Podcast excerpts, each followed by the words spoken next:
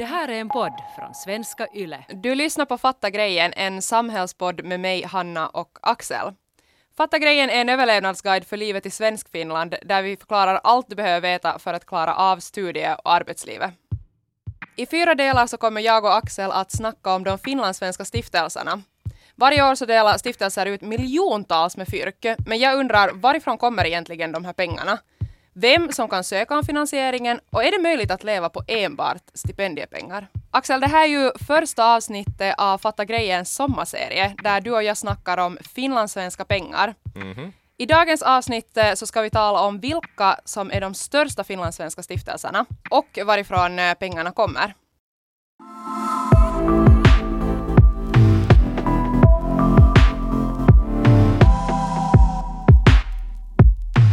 Har du någon gång sökt eh, stipendie? Det har jag nog många gånger också. eh, och, och jag har fått för någon så här skivinspelning och grejer. Och Du stort tack för det, ja. Men, men det där, då jag var typ 17, så Mhm. jag tänker dra den här storyn nu, för att jag antar att det lite är preskriberat vid det här laget och att Svenska kulturfonden inte liksom, att det inte finns några konsekvenser för det jag kommer Det här låter saftigt. Okej, vi... Uh, hemska saker. Då jag var i gymnasiet så sökte jag och mina vänner pengar av Kulturfonden för ett projekt vi helt hittade på, som lät helt legit. Alltså det skulle vara typ, idén var typ att svenska och finska gymnasier i Vasa skulle samarbeta mer och att man skulle vet du, typ krossa sådär, så språkbarriärer och någonting. Något sånt där fint svammel hittade vi på.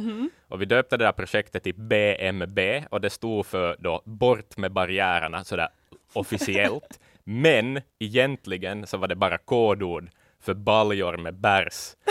Och det där, eh, vi fick pengar eh, och vi köpte öl för pengarna. Vi köpte mycket öl. Vad var konsekvenserna? Roliga kvällar Nej, men vi åtminstone. hade ju, ja, utan att gå in på detaljer, så vi hade liksom nog en redovisning i skick. Okej, snyggt.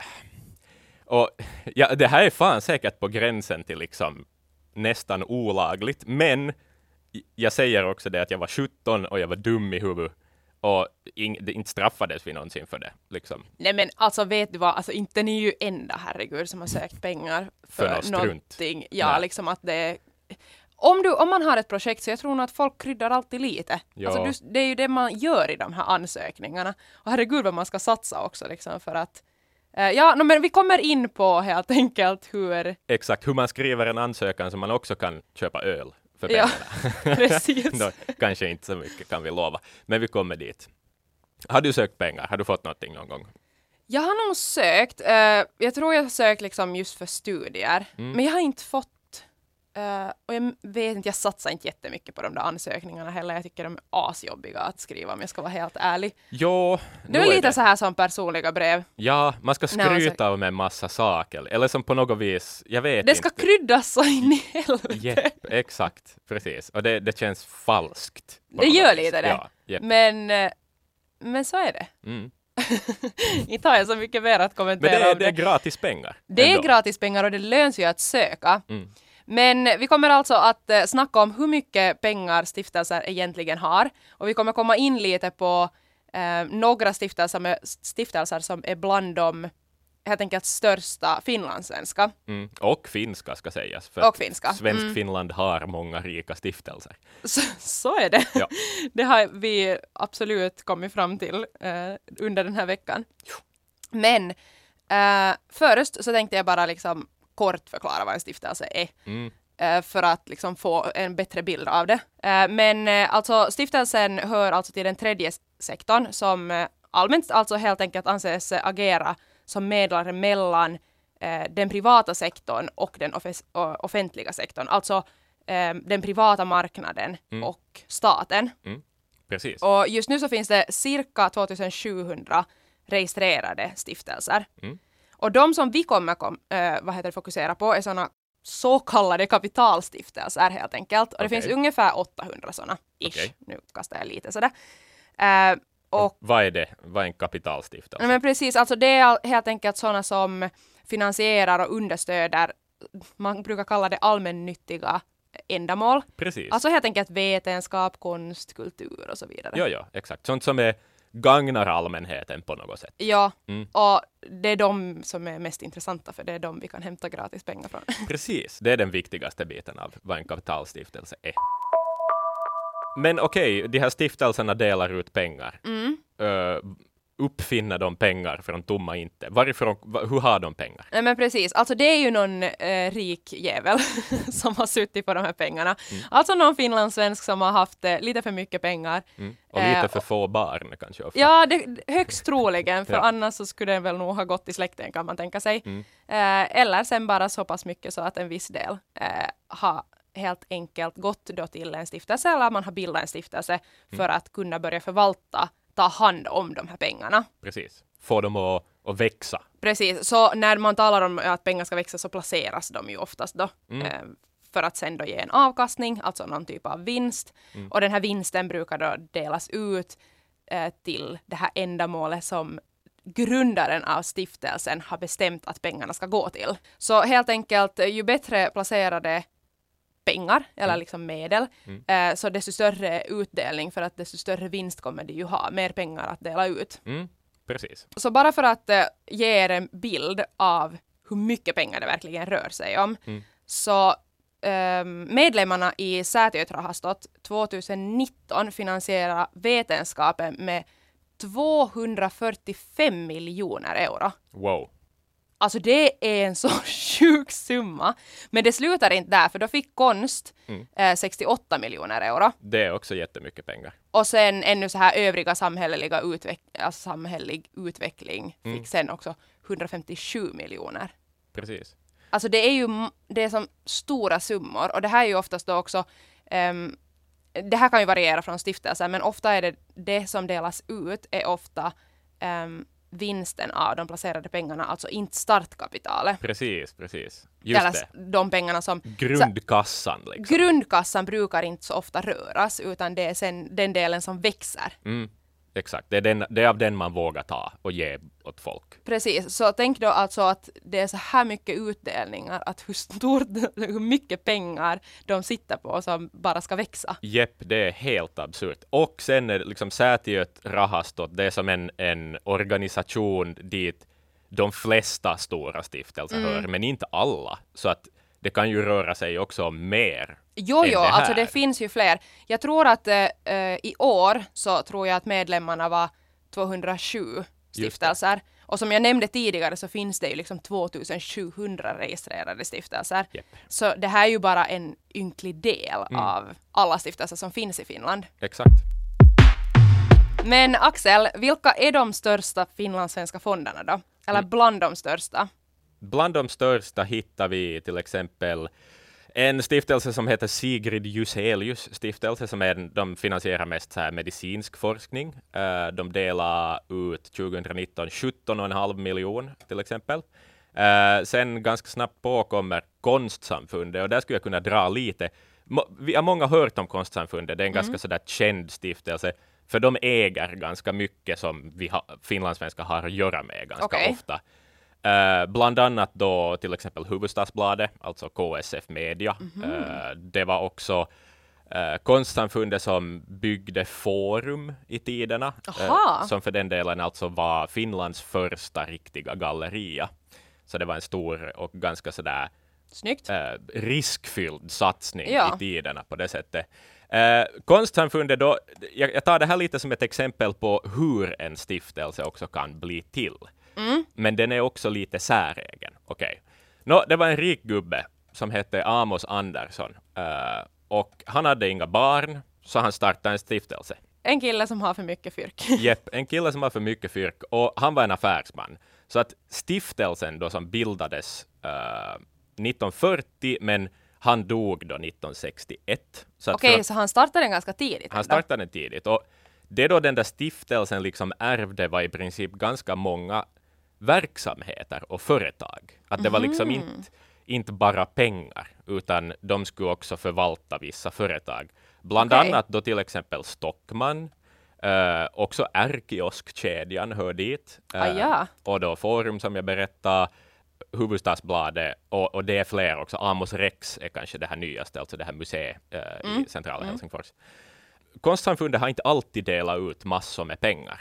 Naha. Det är ganska sent de har lyckats placera så pass bra så att Så de att har de haft möjlighet. Precis. Ja. Att tidigare, alltså ungefär från 2005 framåt så börjar man tala om liksom miljoner, att de delar ut miljoner.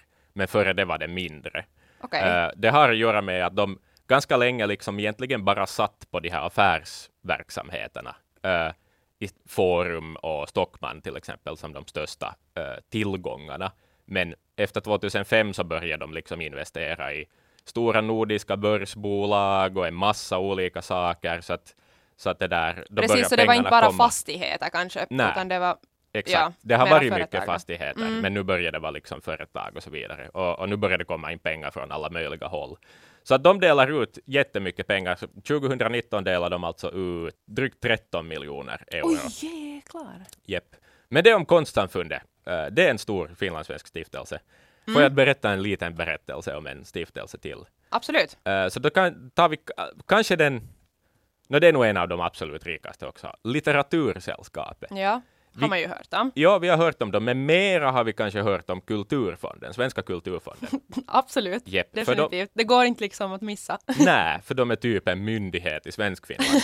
Det där, eh, Svenska Kulturfonden och Litteratursällskapet är alltså lite samma grej. Kulturfonden är som en del av Svenska Litteratursällskapet. Okej, okej, just det. Ja, men de har olika eh, styrelser och olika organisationer. Sådär. Men. Kulturfonden använder liksom Litteratursällskapets pengar, kan vi säga. Mhm. Litteratursällskapet grundades till minne av Runeberg i slutet på 1800-talet. Eh, så, Ah, ja, det visste jag faktiskt inte. nej, det hade jag inte heller någon, någon aning om.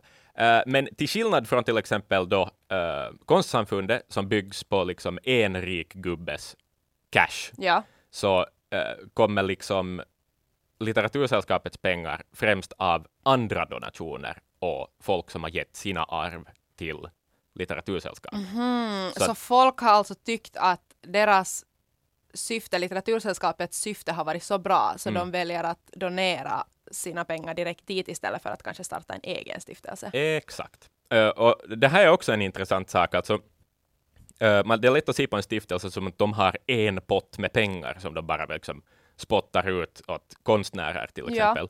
Men uh, Litteratursällskapet består liksom av 600 fonder. De förvaltar Mm. 600 fonder. För att om en rik barnlös knös från Svenskfinland eh, vill ge sitt arv till Litteratursällskapet så då skapas en fond. Och de, eh, de får bestämma alltså vart, vart ska mitt arv gå? De ska gå till vet du, bildkonstnärer från Jakobstad eller de ska gå till eh, idrottsföreningar i Pujo. Okej, någonting. okej, så ehm, även fast de hör till Litteratursällskapet så får de ännu nischa sig Jepp, och välja eh, en ännu mer specifik grej som de där pengarna ska gå till. exakt. Precis. just det. Ja, och oftast är det ju kulturrelaterade saker. Men förstås. alltså hur många, sa, hur många fonder sa du att det bestod av? 600. Eh, och då är det alltså, och Svenska kulturfonden eh, förvaltar ungefär 400 av dem. Uh, sådär, deras organisation. Folkhälsan är ju också faktiskt en, en av de här aktörerna.